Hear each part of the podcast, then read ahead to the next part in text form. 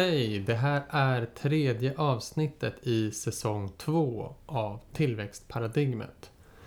En podd om vårt ekonomiska system, våra globala kriser, tillväxtens drivkrafter och om omställning till ett verkligt hållbart samhälle. Jag heter Hannes Anagrius och podden ges ut i samarbete med det tillväxtkritiska nätverket Steg 3. Tillväxtparadigmet finns på Instagram och på Facebook och har en hemsida, tillväxtparadigmet.se. Och det finns också en diskussionsgrupp på Facebook som heter En hållbar ekonomi för välbefinnande.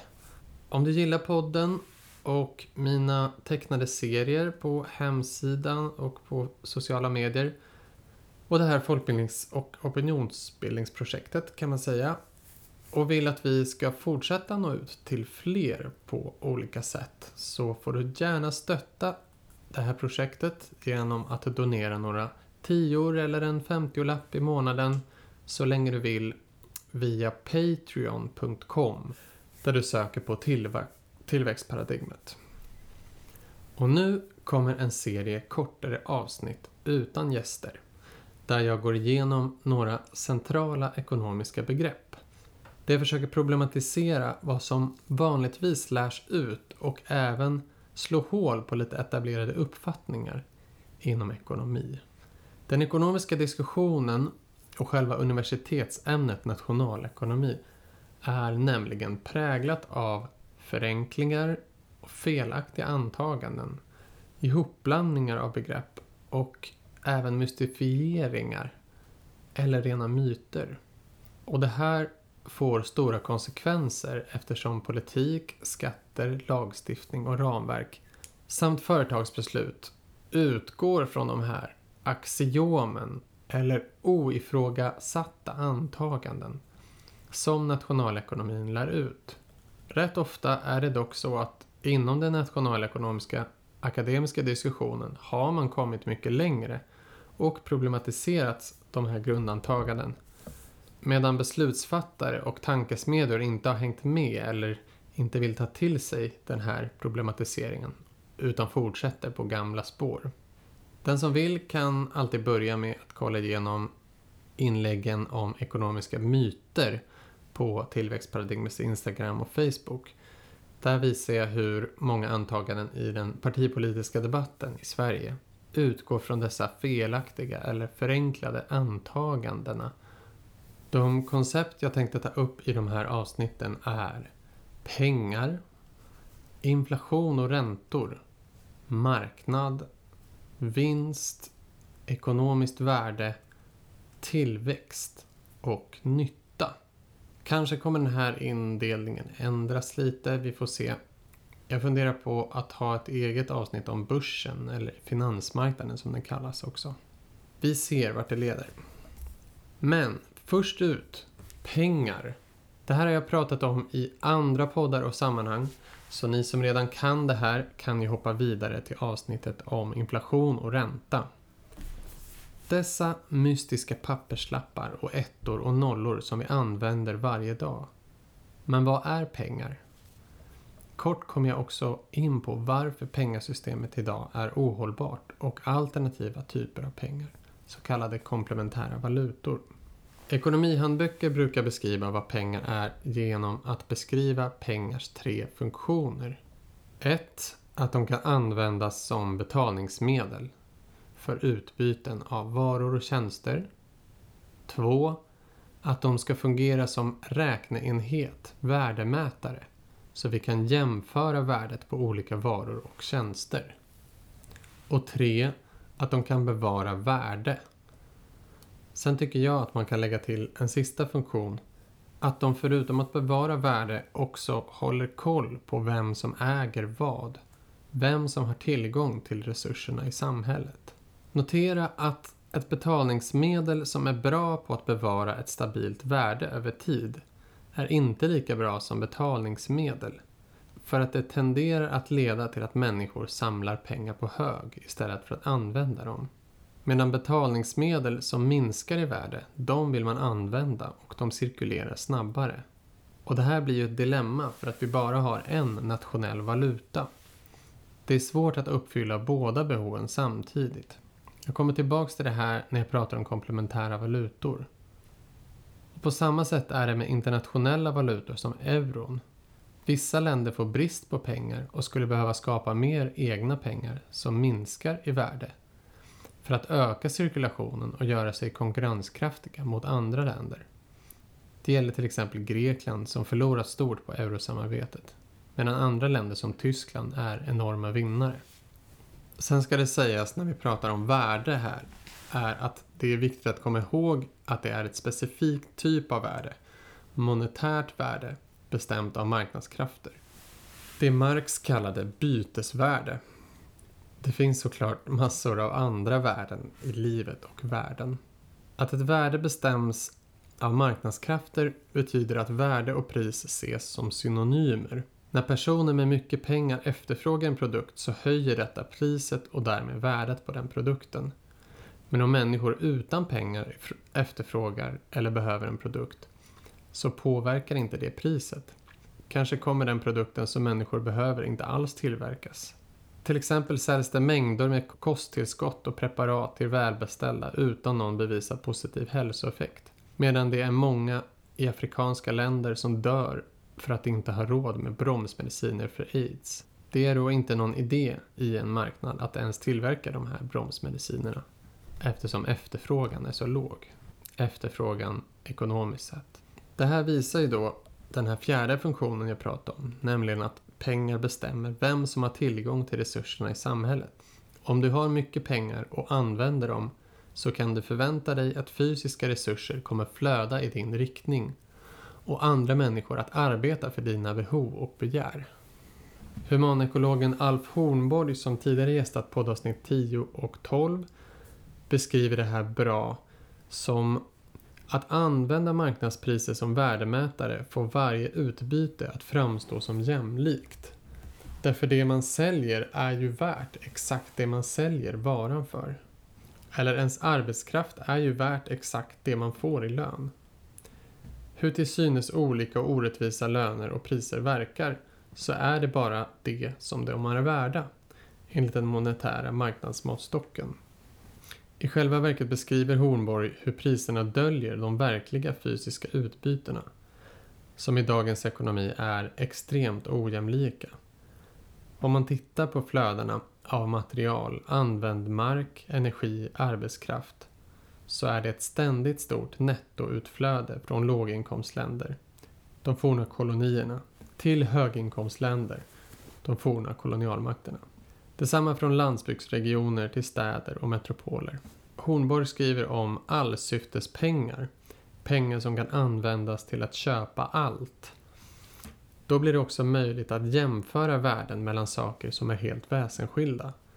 Såsom regnskog mot Coca-Cola, en god nattsömn mot en ny köksmaskin, en resa till en döende släkting mot en resa till ett lyxhotellkomplex. Ett utrotningshotat djur mot en ny vardagsrumssoffa. Ett tusen år gammalt träd mot några ton cement eller aluminium. Tak över huvudet på vintern mot skidsemester. Rätten att släppa ut koldioxid mot nya sneakers. Ett glas champagne mot någons kropp. I de flesta historiska kulturer där pengar inte var ett dominerande inslag har det ansetts otänkbart att kunna jämföra och byta vissa saker mot andra. Synsättet att en krona alltid är lika mycket värd som någon annans en krona och att monetära priser speglar ett verkligt värde. Det legitimerar ju den rådande ordningen som utan pengar skulle kunna tyckas väldigt absurd. Som att man kan ge mat till hundratals personer som svälter mot att köpa en lyxbåt till en person. Att det ena skulle vara lika mycket värt som det andra för att det kostar lika mycket. Forskaren Viviana Seliser beskriver också i boken Social Meaning of Money att vi trots teorin inte behandlar pengar som detta neutrala, opersonliga bytesmedel utan att vi ofta behandlar pengar olika. Gåvor ser vi på ett sätt, vissa pengar ses som smutsiga. Pengar som tjänas genom vissa arbeten, de vill vi använda till vissa ändamål. Så vi lägger alltså mening till våra pengar och kategoriserar dem Fast egentligen är ju en krona tänkt att alltid vara en krona.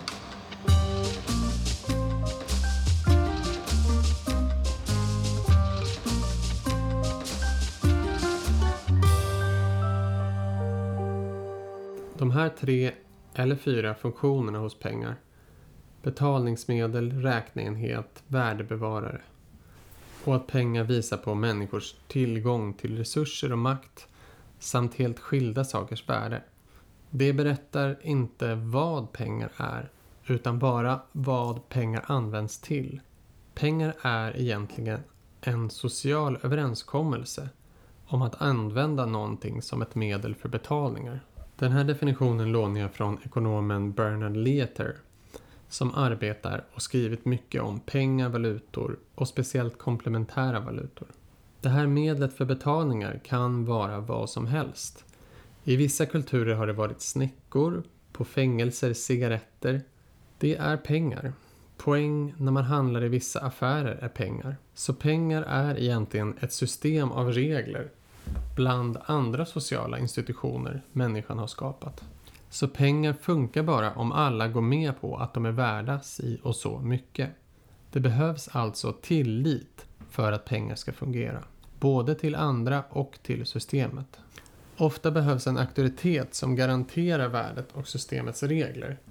Till exempel en stat som säger att ni kan alltid betala era skatter och köpa våra tjänster med de här pengarna.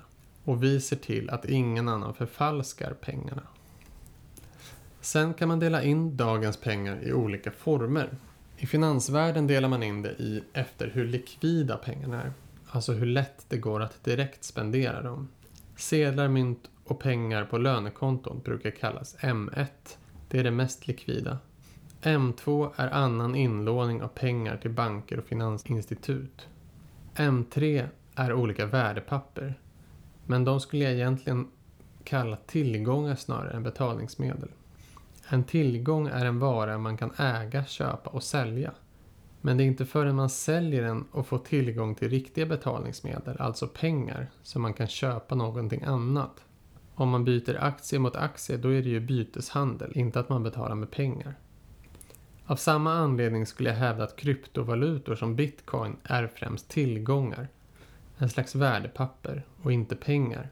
För folk äger inte dem för att använda dem som betalningsmedel utan för att spekulera i dess värden. Egentligen kan man diskutera även om de digitala siffrorna i M1 och M2 är pengar eftersom de egentligen är bankens löfte om pengar. De bokförs som lån och tillgångar hos bankerna och måste inte backas upp av något. Men detsamma kan sägas om sedlar som från början var ett löfte om guld. Det som avgör om något är pengar skulle jag därför säga är om det används och accepteras som allmänt betalningsmedel. Och de ettor och nollor på ditt bankkonto som är bankens skuld till dig, de är ju det vi huvudsakligen idag använder som betalningsmedel. Så att säga att något inte är pengar utan ett löfte blir paradoxalt när pengar i grund och botten är just ett löfte. Ett löfte om att få tillgång till varor och tjänster. Man kan också dela in pengar utifrån vad de baserar sitt värde på. Commodity money är pengar baserade på en viss vara detta är lämpligast en vara vars värde är beständigt över tid. Och varor som har ett sådant beständigt värde är de som det är ont om och som inte slits och förstörs. Därför har man i historien använt ädelmetaller såsom guld och silver. Fram till 1900-talet hade alla mynt en viss procent ädelmetall i sig. Av praktiska skäl och för att kunna skapa mer pengar kom sedan guldmyntfot eller silvermyntfot man tryckte helt enkelt sedlar som kunde växlas in till guld eller silver i en bank. Men eftersom få gjorde det här behövde inte bankerna ha den mängd guld och silver som utlovades. Guldmyntfot övergavs i mellankrigstiden, mellan första och andra världskriget. Och i Sverige övergavs den på 1930-talet. Ingen guldmyntfot innebar så kallade valutakrig, när stater devalverade valutan, alltså minskade dess värde för att vinna fördelar i exportmarknaden. Så efter andra världskriget gjorde man en internationell överenskommelse, Bretton Woods-systemet, där alla länder som var med i internationella valutaunionen skulle låsa fast sina valutors värden till den amerikanska dollarn. Och dollarn gick i sin tur alltid att växla in till guld. Så indirekt var alla valutor kopplade till guldet. Men sen när USA fick så höga krigskostnader vid Vietnamkriget på 70-talet så började de skapa långt mer pengar än vad, det, än vad det fanns guld.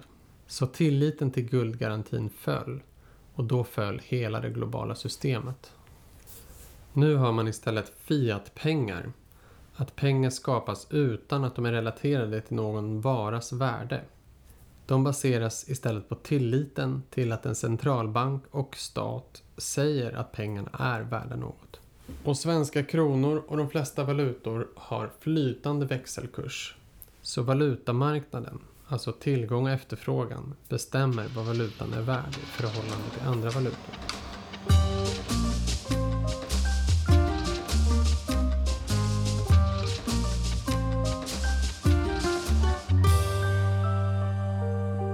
Hur skapas då pengar? Där finns ett specifikt poddavsnitt om som ni gärna får lyssna till. Avsnitt 15. Hur skapas pengar? Så förutom de indelningar jag pratat om kan vi också dela in pengar utifrån vem som skapar dem och därmed kontrollerar dess tillgång. Då kan man säga att det finns tre olika sorters pengar. Kontanter, sedlar och mynt som skapas av och endast av centralbanker. De har alltså monopol på det här. I Sverige är det bara strax över 1% av alla våra pengar som är kontanter. Två centralbanksreserver. De här pengarna skapas också av centralbankerna men kan inte användas av dig och mig utan bara användas av de stora bankerna. Och de använder centralbankspengar när de ska föra över värde mellan olika banker. Till exempel om jag gör en betalning från mitt Nordea-konto till någons Swedbank-konto. Men eftersom storbankerna sköter så många transaktioner fram och tillbaka så kvittar de flesta ut varandra och i slutet av dagen behöver Nordea bara föra över en liten bråkdel av allt det här till Swedbank eller tvärtom. Så de behöver alltså inte ha lika mycket faktiska centralbankspengar som det värde som handlas för i ekonomin. De summor vi ser på våra digitala bankkonton motsvaras helt enkelt inte av någon motsvarande värde så om alla skulle ta ut sina pengar på samma gång, en så kallad bankrusning, så skulle inte bankerna kunna betala oss. 3. Slutligen är det de digitala pengar som du och jag använder varje dag när vi betalar med betalkort, swish, faktura, banköverföring eller någon annan digital bet betaltjänst. Den här sista sortens pengar är helt enkelt ett löfte från en privat bank till dig. Det är en skuld och kan därför kallas skuldpengar. I stort sett alla pengar i Sverige och majoriteten pengar i de flesta länder utgörs av dessa skuldpengar. Och de pengarna skapas alltså inte av centralbanker som många tror utan skapas av privata banker när privatpersoner eller företag tar ett banklån. Så pengar sparas alltså inte först på ett konto och sen lånas ut Istället skapas pengarna med ett knapptryck när någon tar ett lån. Man kan säga att banken förväntar sig att motsvarande värde i framtiden kommer finnas eller skapas i ekonomin så att pengarna kan betalas tillbaka. Dessutom ska ränta ju betalas ovanpå lånet vilket gör att fler och fler lån måste ges ut för att alla räntebärande lån ska kunna betalas tillbaka. Och skuldberget växer. Så vi har alltså alltid lika mycket skulder i ekonomin som det finns pengar. Plus ränta. Det gör att för att vi ska få mer pengar i ekonomin måste skulderna öka. Varje gång vi betalar av på skulderna så får bankerna ränta på pengarna de skapat från luften och bankerna gör enorma vinster på det här monopolet som det är att skapa betalningsmedel. Och systemet skapar olika problem som vi tar upp i poddavsnittet om hur pengar skapas och som organisationen Positiva Pengar upplyser om i bland annat pedagogiska videos som finns under tips på tillväxtparadigmet.se. Jag nämner några av de här problemen kort. När ekonomin går på högvarv, när konsumtionen ökar och priser ökar och tillgångspriser såsom huspriser ökar då vill bankerna låna ut mer pengar för att göra stora vinster. Så då sänker de räntor och lånekrav, vilket skapar mer pengar och mer inflation. Inflation kommer vi in på i nästa avsnitt. Men det blåser också upp tillgångarnas värden som på hus och aktier. Så de som äger tillgångar, de blir ännu rikare och det blir svårare för andra att ha råd med någonstans att bo. och dessutom ökar risken för bubblor och finanskrascher.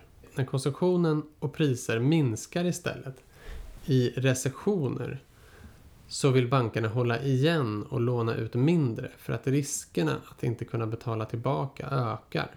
Så när folk som kan arbeta är arbetslösa och det behövs mer pengar i ekonomin, då håller bankerna igen pengaflödet.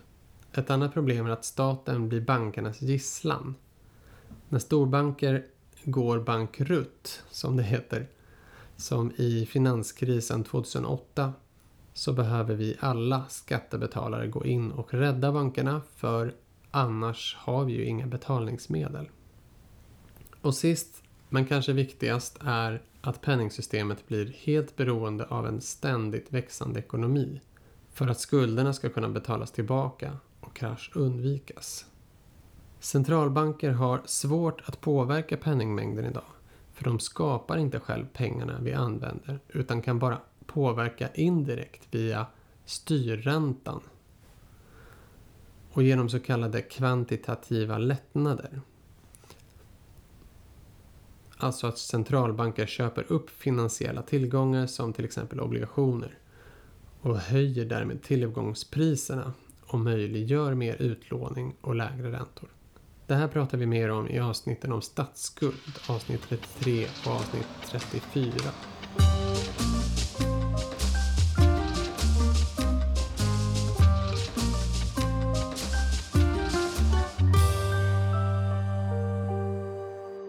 Jag tänkte också lite kort prata om de första pengarna.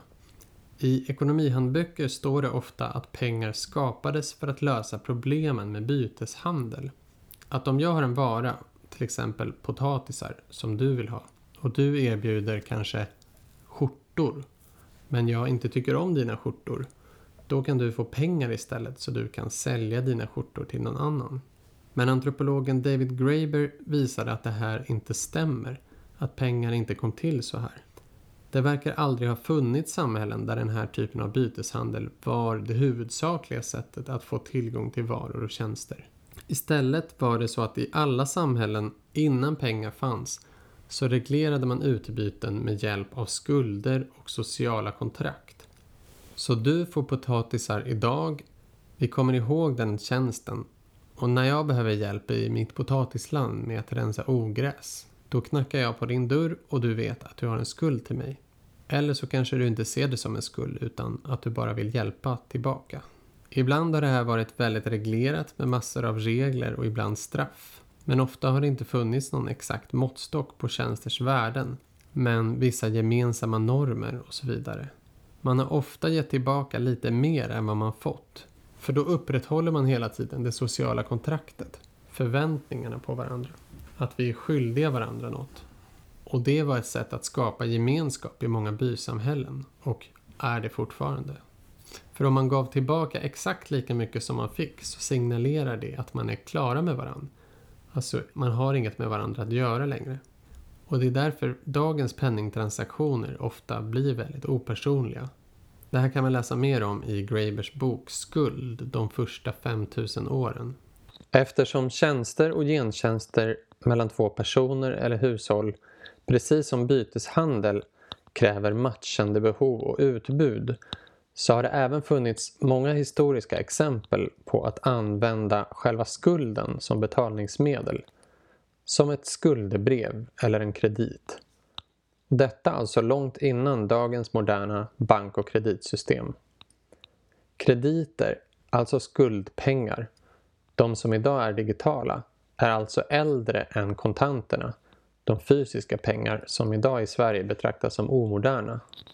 De första pengarna, alltså mynt, skapades av imperialistiska stater för att betala sina arméer. Istället för att släpa runt massa mat och förnödenheter när de skulle på erövringståg så kunde alla bönder sälja arméerna mat och sen tvingades de betala skatt med mynten. Och det här underlättade och stimulerade marknader. En av de första att göra det här var Alexander den store på 300-talet. Så det var alltså staten och inte marknaden som skapade pengar. Och pengar ersatte inte byteshandel utan ersatte sociala institutioner och gemenskaper. Och så tänkte jag till slut prata lite om komplementära valutor. Det finns alltså andra typer av pengar som inte är skapade av vare sig centralbanker eller privata banker utan av folket, civilsamhället, organisationer eller av företag. De kan designas på väldigt olika sätt men vanligtvis är de lokala. Så de kan bara använda, användas inom ett visst lokalt område. Och idén är att en komplementär valuta ska användas parallellt eller i kombination med konventionella pengar som ett komplement. Och lokala valutor eller komplementära valutor pratar vi mer om i avsnitt 21. Men varför skulle man använda lokala pengar som är mer begränsade än konventionella pengar? Svaret varierar mellan vilka initiativ vi tittar på. Komplementära valutor skapas ofta med ett specifikt syfte. Att förbättra något i ett lokalt område. Ur ett egenintresse så kan du använda en komplementär valuta för att kunna sälja eller köpa varor som folk i vanliga fall inte skulle betala för med konventionella pengar. Eftersom dessa är mer begränsade än de lokala. Man utvidgar alltså den lokala ekonomin. Så gemensamt för de flesta komplementära valutor är att de binder samman lokala överskottsresurser med lokala otillfredsställda behov som inte ryms i den konventionella ekonomin. Överskottsresurser kan vara osålda varor, saker eller lokaler som inte används eller arbetskraft och kunskap som inte tas vara på i den konventionella ekonomin. Otillfredsställda behov kan vara allt ifrån behovet av lokal billig mat, återbrukade kläder, saker, till att lära sig nya språk, ett instrument, reparationer, datorservice eller hjälp i hemmet för äldre. Det kan vara vad som helst egentligen. Utifrån vad jag studerat om komplementära valutor så verkar det smartast att integrera många olika aktörer i systemen för att de ska hållas levande, vilket inte alltid är så lätt. Så både kommuner, hyresvärdar, frivilligorganisationer och småföretag kan ta emot och betala i komplementära valutor. Och som sagt, för att höra mer om lokala valutor kan ni lyssna till poddavsnitt 21, Lokala ekonomier och lokala valutor, med gästen Ylva Lundqvist Frid. Även i avsnitt 12 och på bloggen på tillväxtparadigmet.se berättar Alf Hornborg om hur han tänker sig att en lokal valuta utgiven av staten som basinkomst kan stimulera en lokal ekonomi och ersätta mycket av den globala ohållbara handeln som han menar sker just för att vi bara har en sorts pengar, allsyftespengar. Det går att säga mer om vad pengar är förstås, men det här får tjäna som en sammanfattning eller introduktion. För en hållbar ekonomi behöver vi i alla fall ett nationellt pengasystem som inte är baserat på skuld. Organisationen Positiva pengar har framfört en sån modell för det här. Att centralbanken, precis som de har för kontanter, får ensamrätt på att skapa digitala pengar och att banker istället blir en mellanhand som lånar in och ut de här pengarna. Mer om det som sagt i avsnitt 16. Suveräna pengar, ett hållbart bank och penningsystem. Intressant nog förs idag samtal mellan de stora centralbankerna i världen om att skapa digitala centralbankspengar. I Sverige kallas det e-krona-projektet. Vilket skulle vara ett väldigt viktigt steg mot en sån här bankreform. Okej, det var det om vad pengar är och skulle kunna vara. Följ tillväxtparadigmet på Instagram, Facebook och kolla hemsidan tillväxtparadigmet.se. Stötta gärna projektet med en slant i månaden så länge du vill på patreon.com där du söker på tillväxtparadigmet och gå med i Facebookgruppen En hållbar ekonomi välbefinnande. Tack och hej!